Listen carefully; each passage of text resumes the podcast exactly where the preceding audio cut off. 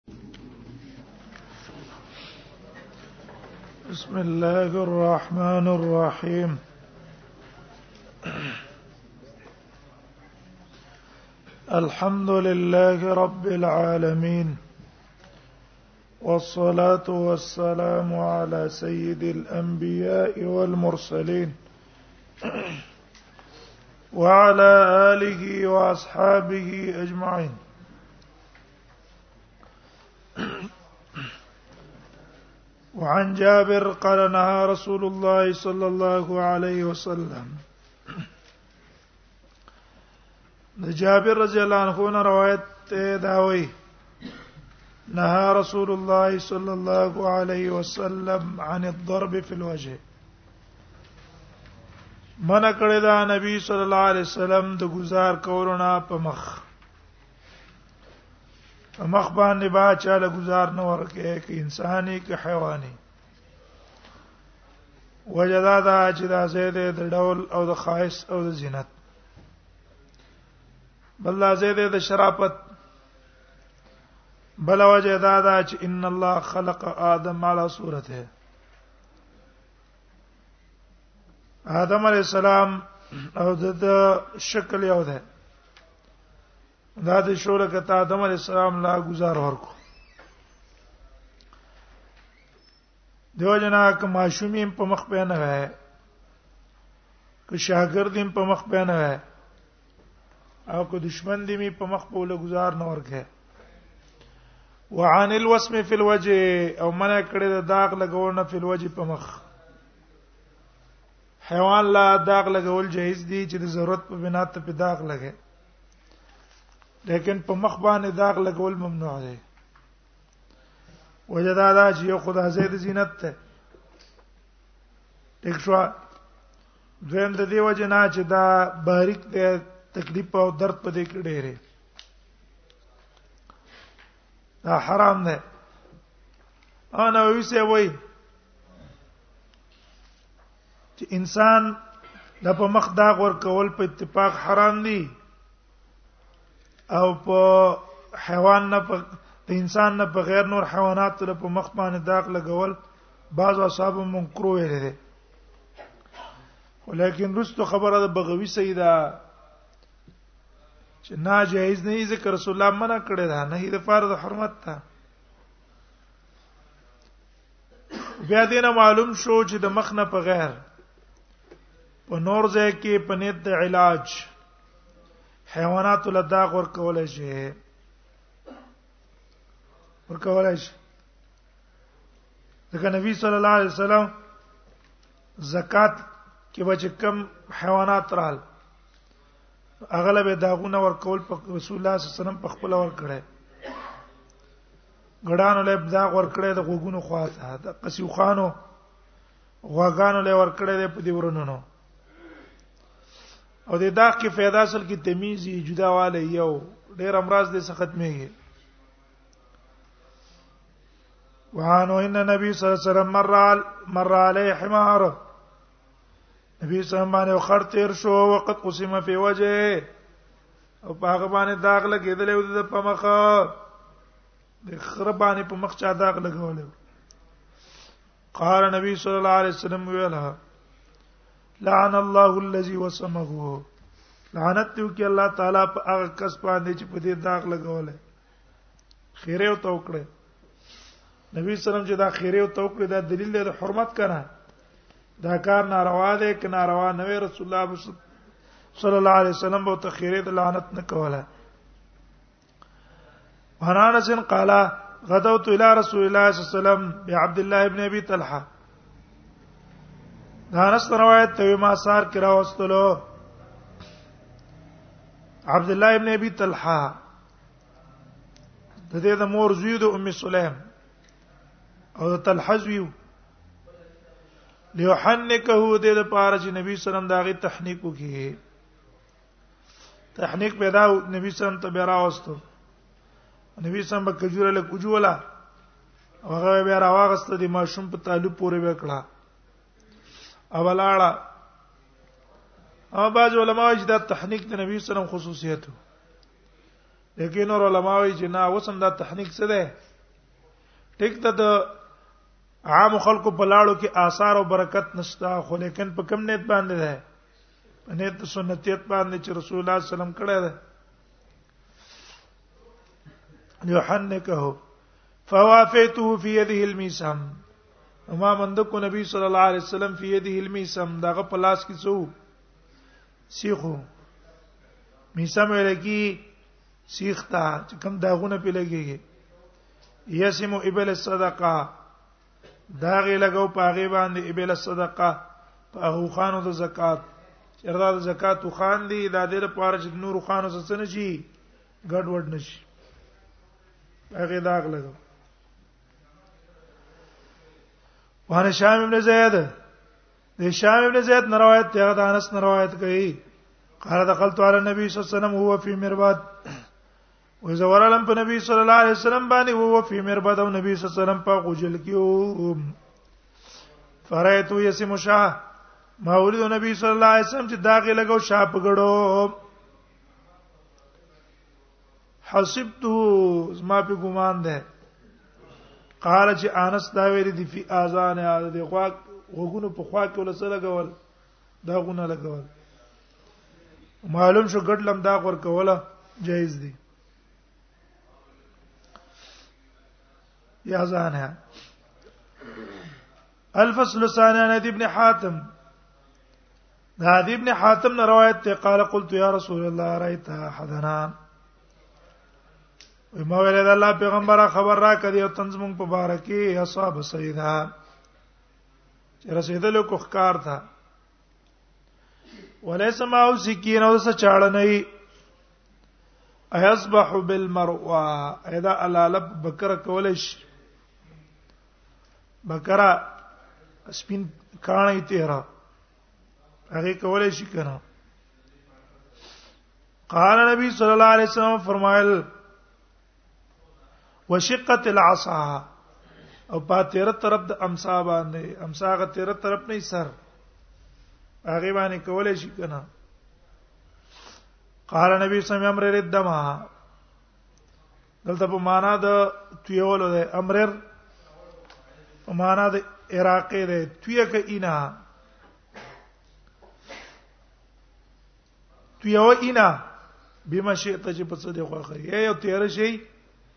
او په هغه باندې مری غوچیږي او اینه په اوزی بس په هغه ذبح جایز ده واذكر اسم الله یاد کړم د الله تعالی رواه ابو داود او نسائی امام ابو داود او نسائی دا نقل کړه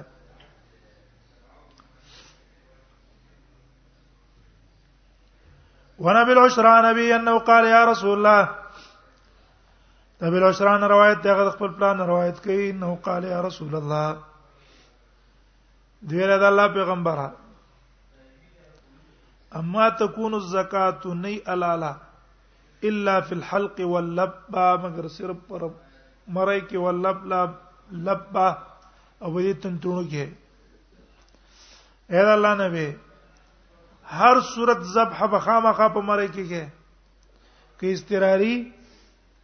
او غیر استراری سائل په سوال مقصد پوي شوي معنا د ذبح د پاره په هر صورت کې دا مری او تنتړو څول ضروری ده او کنه فقال نبی صلی الله علیه وسلم تلو تان تفی فخذیا کته او او فی فخذیا ورون داغه هه به دی ورین دی ولا گزارو کو زخمی دی کړو هغه نه اوت نه اوت لو ته مړ شو نو بیا بم سوجي لاجزا عن کذا بستانه وشي وګوره ظاهر د حدیث نه خدا معلومیږي چې د ذبح د پاره تلټړو غوسول دا ضروري نه دی هغه ذبح کې وسکه مړی او د جهان د دوه ګونه نه دی دا به غوسه عمرې به غوسه او پرې کې ظاهر د حدیث نه معلوم شو چې دا ضروری نه دی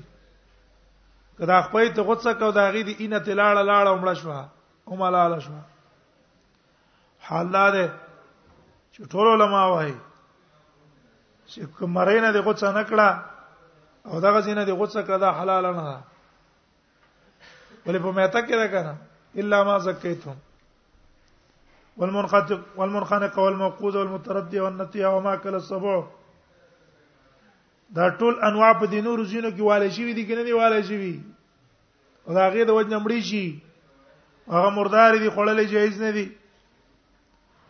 نو دیو جن اوس مصنف را لګي قال ابو داود وای وای دا حدیث بنا ده په هر صورت نه په حالت د استقرار ابو داود هاذا زکات المتردده وای دا الاله دا حیوان چې غرزیدلې د غرن حقته کند تا یا کوی تا یا دا چې زه ته چې تور رسیدې زر نشي کور رسیږي اذن مرداریږي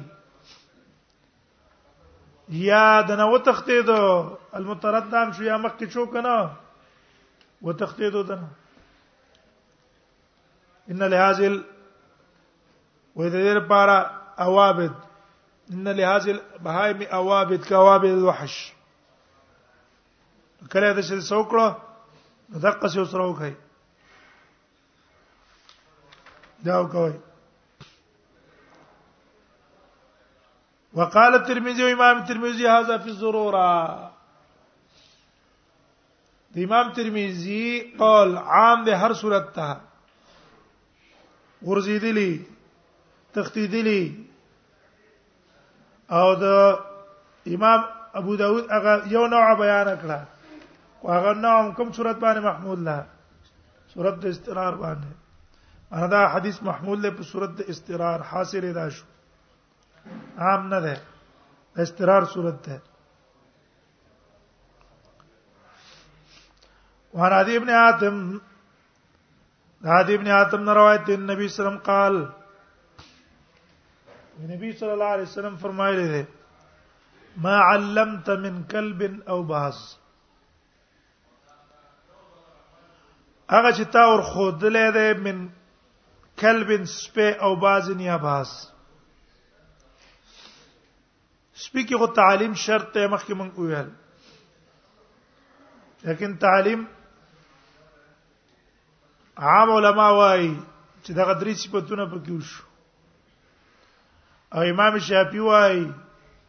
چې نه تعلیم سپارل شوی د عرب ته بس چې عرب کوم سپیته معلم وي او کوم ته غیر معلم وي کوم ته معلم وای کوم ته غیر معلم وای دقه ده خو لیکن دا نور علما وایي چې په معلم کې معلم سپی کې بشر تای چې ساروی نه به خوراک نه کوي لیکن امام مالک په کې دا خوراک شرط نه دی ویل هغه که خوراک هم ته کو دا څه ده معلم نه دې خړل جایز دي لیکن په باس کې تعلیم ضروری ده کنه باز نو امام شافعي رحم الله وايي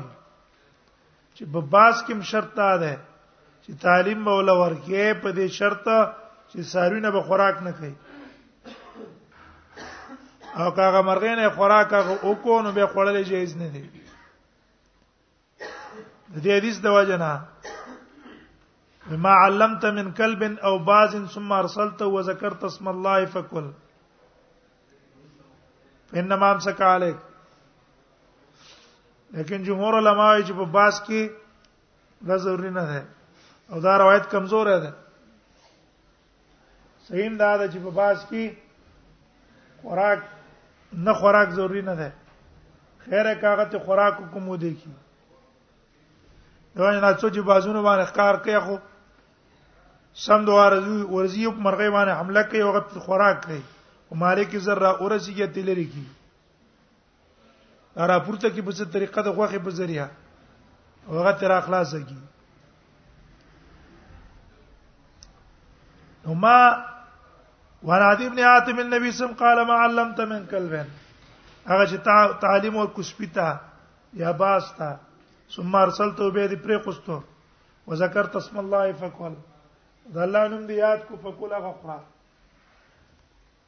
هغه وخوره مما امسک علیک دا کنه چې تاسو ساتلې قال تو ان قتل ما ته لګر کمل کړای قال اذا قتله ولم ياكل منه شيئا چې کله مړ کو خوراک تی نو کړه دا دلیل په دې انما امسک هو علیک دا استاد پارا ساتلې استاره نیولای استاره نه وی نیولای ځان غم وې او دا به تل ته خوراک کړه راو ترمذی راو ابو داود وانا قال قلت يا رسول الله وما ویل د الله پیغمبره ارم سید فاجد فی زخکار علماء خار علماء فاجد فی من الغد السامی ابراهيم ماما نو تل چابي دا کوي چابي ته تل غواړه موټرسایکل چابي ته واه هغه خو دغه چابي ته والی خو طرف څنګه به دا چاله تللی دروازې چابي تیوالو ته هغه دروازې چابي راکا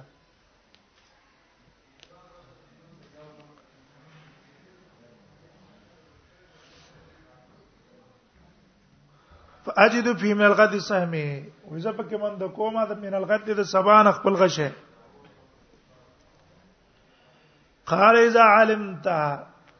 کله تا ته پته ولګېدله ان سهمک جستا غشي قتله دا مړ کړه ده ولم تر فيه اثر صبع دا خو دروازې چابي ورکو جنازه د لس بجې بیا غلې شو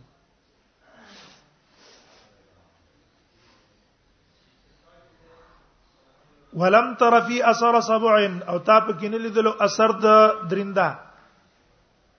فکل به خورا به وی خورا نو که غشي اثر دی پکې ده او تا ته پته ده چې را درندنه ده خوړلې بل شي نه ده خوړلې غالب ظاهر هم دار چې دا ستاسو د غشي د وجه نه مړ شوی استاد پاره خوړل جایز دي لیکن مکه اوس را قید لګول او چې مال مینتن بدبوې شوی نه ولیکه بدبوې شو به به نه خوري او موږ ویل چې دا امر د مال مینتن استحباب دی وعن جابر قال نهينا عن سيد كلب المجوس جابر نه روایت ته عمر شوی د ښکار د سپو د مجوسیانو نه د مجوسی سپی ده هغه را اولګي د ښکار او کوته به نه خوري وجه دا ده چې دا ښکار په منظر د ذبح دی کنه دا موږ له د مجوسیانو ذبیحه خوړل جایز نه دی دا قص ښکار خوړل موږ له جایز نه دی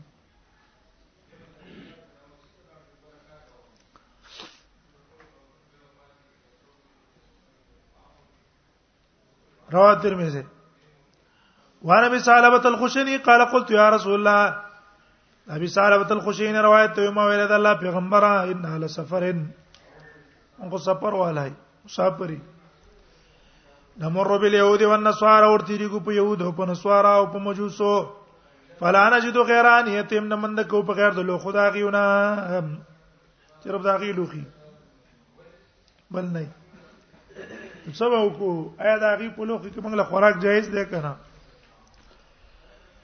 قال نبی صلی الله علیه وسلم فرمایل فلم تجدو غیره ک تاسو بل شي نه مند کو فغسلوها بالماء په بو باندې وینځي او به وینځي ثم کلوا فيها به کې خوراک کوي واشربوا پاک اسکاک کوي رواه ترمذی وان قبيصه بن هلب عن ابي قال سالت النبي صلى الله عليه وسلم ان تهم النصارى قبيصه بن هلب نه روایت ده دا خپل پلان نه روایت کوي خپل پلان نه چې هلب اطهی ده قال سالت النبي صلى الله عليه وسلم دا نبی صلی الله علیه وسلم ته پوښتنه کو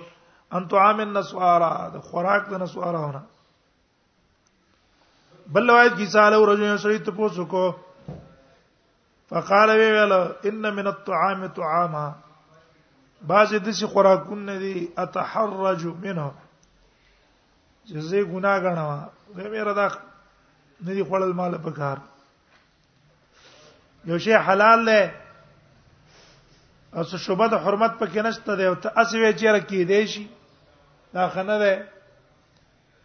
قال ولا تخلجن في صدرك شيء نه تیریږي ستاسو سینه کې یو شی سوارا تفیل نسوار نصرانیه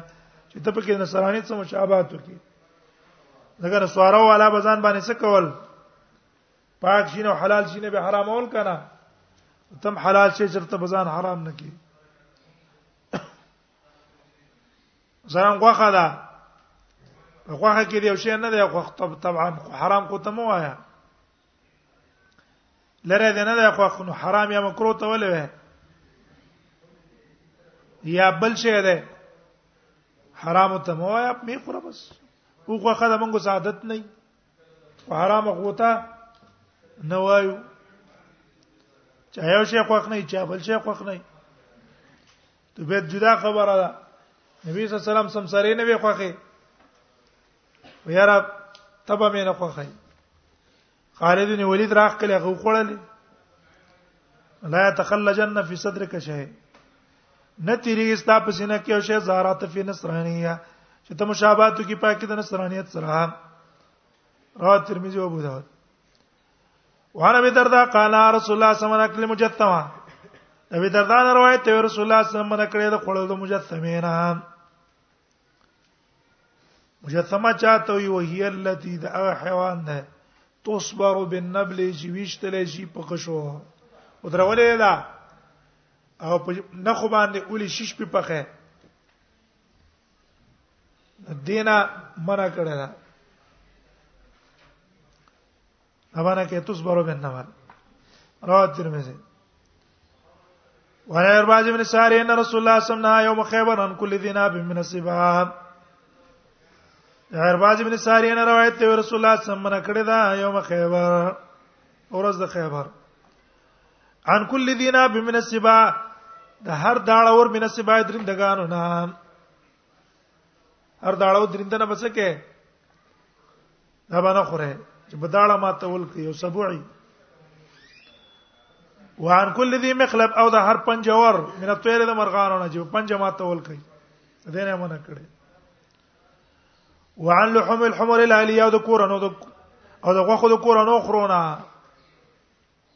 عن المجسمه او د مجسمه نه تفسیر یو کړی یو سبب 13 شی مجسمه دې وان الخلیسه د خلیسه نه خلیسه معنا رستوي کوي شرم خرا ولګيږي حیوان مات کو ټیک شو د تر اخلاص کو خو حلال نه کو د حلال نه مخکې مخکې د پلاس کې څه شولو مړ شو د تخلیص وي وانتو تل حوالا او چې وتی کړی چې د پردو حاملو سره حوالانه مراد انځه ده تا ته په غنیمت کې رااله حامله ده د مخ بل خاوند نه یا دی واغستله خو حامله ده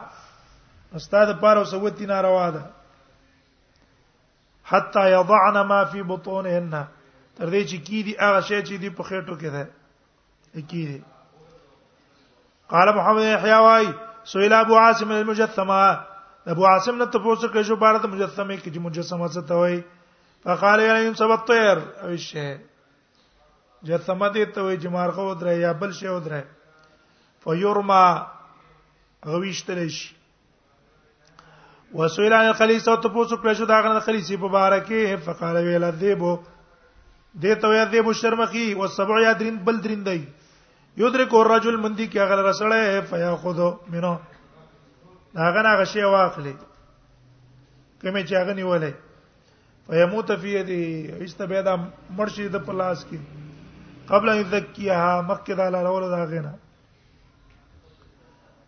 وایي عباس وابي اورین رسول الله صلی الله علیه وسلم شریته د شیطان نبی سمره کړی د شریته د شیطان نه زاد ابن عیسی ابن عیسی په کې زیات کړی د شریته د شیطان څه ده هي الذبیحه هغه ذبیحه ده یقطع من الجلد چې دا غنه څوک لږی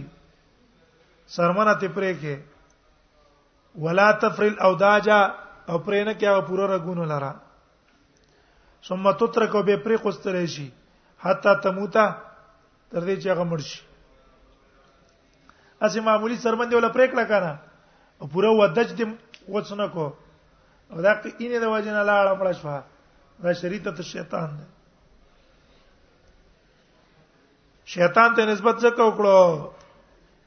چې په دې کار باندې دا چا باعث کړه شیطان باعث کړه کنه ولې دې کار کې یو حیوان له zarar ورکه او ته په مزي اخلي څوره بد انسان دی یو کافر ستاله استراغه کافر انسان خوده کنه څه شه ده انسان خوده او صرف کافر ده شریعت ته توي په سره په ملک په اسانه طریقه تر لګي هغه سره چې کرتبونه کې چې تور پر خنداګانې وکي او باقي لذت ته خوند اخلي هغه ته پاګه آیاتونه کې ځان داخله او هم علا ما يفعلون بالمؤمنین شهود اذا ما عليه قعود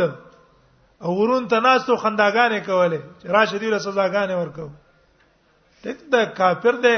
الله کافر په دې چې د کوپر داغه د وجنه او کتر علاګي د څه یو کار کوي چې د الله د نافرمانی ستاسو به داغه منځ کې څه فرق شو زمونږه د کافر نسبت الله ته یو دی کنه دی لازمنګ هم رب دی داغه هم رب دی زمونږ هم خالق دی داغه هم خالق دی خو فرق صرف د ایمان او د کوپر دی چې منګم نافرمانی شروع کوي څه پر پر فرق شو دیو جنا انسان به عزت او توهین باندې کوي سزا ول ورکه د حدود نه وکلان دی ورکه چې بس الله حکم دی زسو کما اخوا خپل رخو کې خول ټیک نه دی چریته د شیطان ته حیوان دغه الاله او خندا او مزاق د پاره جره دا څه کوي سره حیوانیت ته شریر شیطان زاد ابن عیسی یذبیحه او که سره څونه زیته یو کی کنه دا واوري ار څونه زیته دی وکړو وکړو وکړو وکړو ان ربک لبالمرصاد الله تناسته دی استاد حالت پټم نه ده ریل لري له قیامت پرز به تر کار شي زیته دی چا سو کو ظلم دی چا سو کو غلطه منسوبه دی چا په خلاف استعمال کړ الله خود پټ نه ده الله پټ نه پاتې کې الله دیني ادا دنیا ژوند الله ته چی نه ده کله مل بسو الا عشیه او ضحاها دا موږ تاسو وایو لکه ځا دا کله ګړه لالو کنه نو سار کله سړی چکر ورکی چې لکه سیم رستو لالو چکر ولا ورکی پلان کې او کوي خوراک په کوي اسیم وساله علی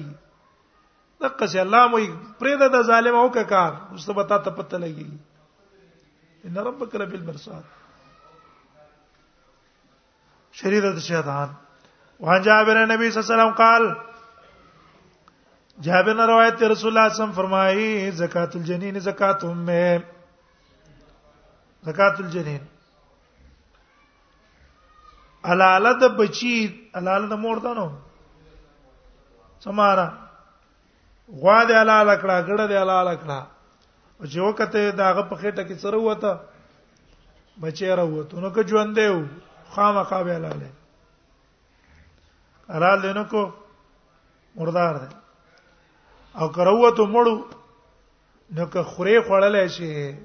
اوس ړه دې نه کیه جدا خبره ده او که خوري خړلې تعالی جایز دي دا مذهب ته جمهور علما احناف دا مردار ده او دلته تقدیر ده زکات الجنین ک زکات امه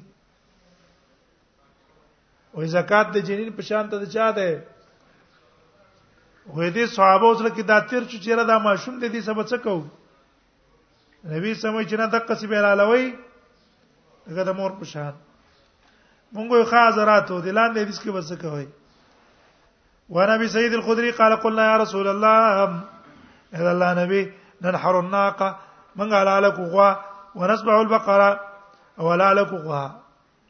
ناقص نحر استعماليږي ځکه په ولاړه به وې یو په بولاو تړي او دې ماره کې ولا گزار ورکی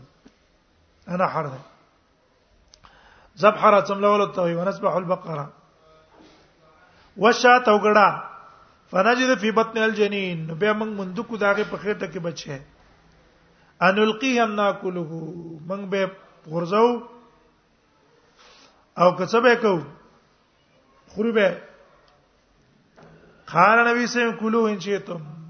خورئ فإن زکاته زکات امه د دې زکات زکات دې چا ده مور چې حلال شو دا دې حلال شو نو ګور دلته څه وته ویلي اشته پکې که زکات یې مخکې سره لګيږي لګي وراد الله ابن عمرو بن العاص قال من قتل عصفورا فما فوق چا چنچن وجلا یا د چنچن نه بارا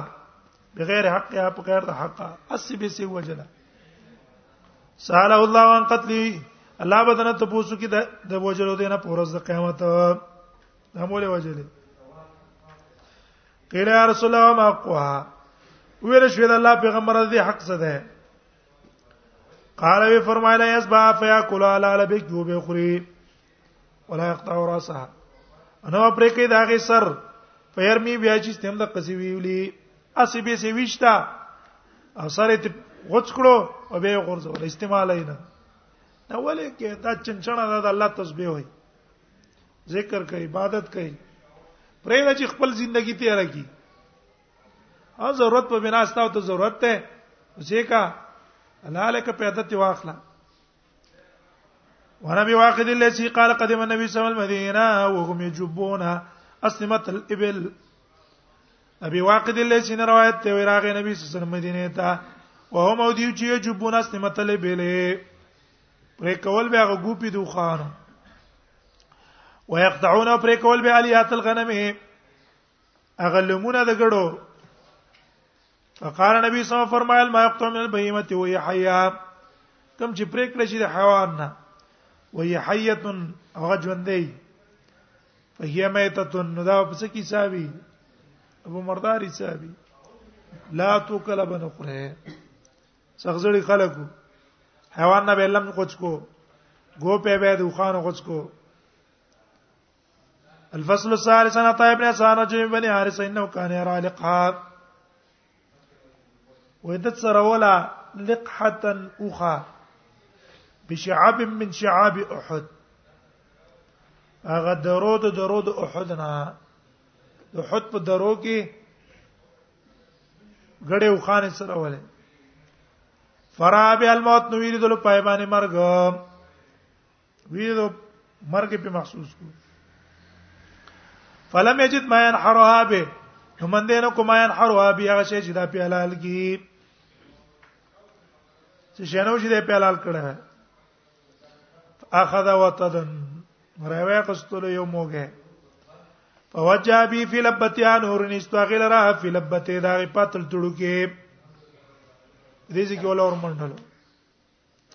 حتی احراق دمها تر دې چې اینه دی و بیاول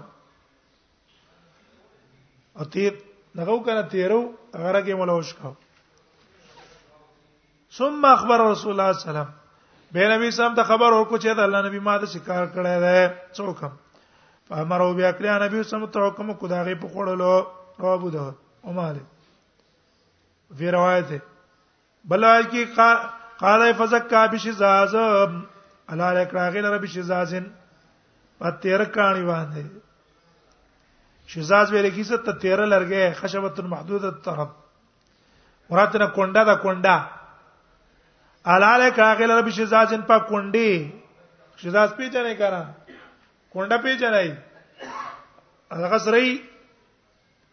بورو والا سره زره هغه بورې تور واچي راوړی تیر طرف کې نظر پاشي کې ور نوځي دغه چې تیر طرف ته کونډیو په هغه باندې دا چې څکړه الله لیکړه وعن جابر قال قال رسول الله صلى الله عليه وسلم من دابة في البحر الا وقد زكى الله لبني ادم نشته یو حیوان په دریاب کې الا وقد زکا الله لبني ادم مگر الله د بني ادم لپاره حلال کړی میتات البحر مسله تاسو کتاب الوضو کې ویل الحل میتته کې د جمهور علما راي دا ده شوافی مالکیان حنابلہ دریاب کې څونه حیوانات دي دا خړل جایز دي مګر چاته تمساح مستثنا کړه او د امام بونی فرحم الله بن صرف سمک امام بونی فرحم الله دلیل څه ده جمهور لپاره دلیل یو دا روایت ته ما من دابه فی البحر الا قد زکه الله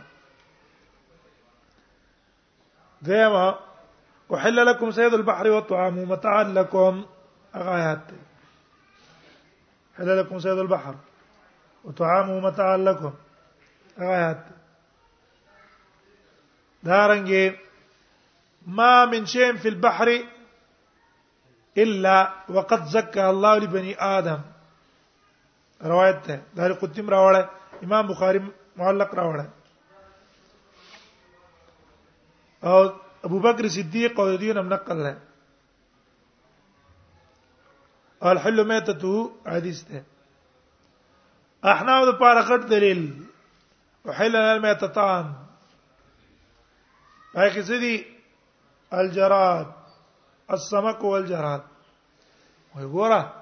السمک اطلاق چوک یا بل روایت کې حوت اطلاق ده نو معلومیږي چې نور شین حلال نه دي کنه نور حلال نه دي جواب داګه نه علما وکړه ده دایره المعارف شلم جل کې وای هر امام نووي موای چې د حوت او د سمک اطلاق کی کل ما يعيش في الماء هر هغه شی چې په وبو کې ژوند تیرې هغه ته سوې په اعتبار د لغت باندې هغه ته سمک هم وي هغه ته حوت هم وي د طلب د سمک نه خاص مې نه مراد بلکې کل ما يعيش في الماء مراد ده د وجه دي احاديث هم په دلیل ده او دا قول راجح ده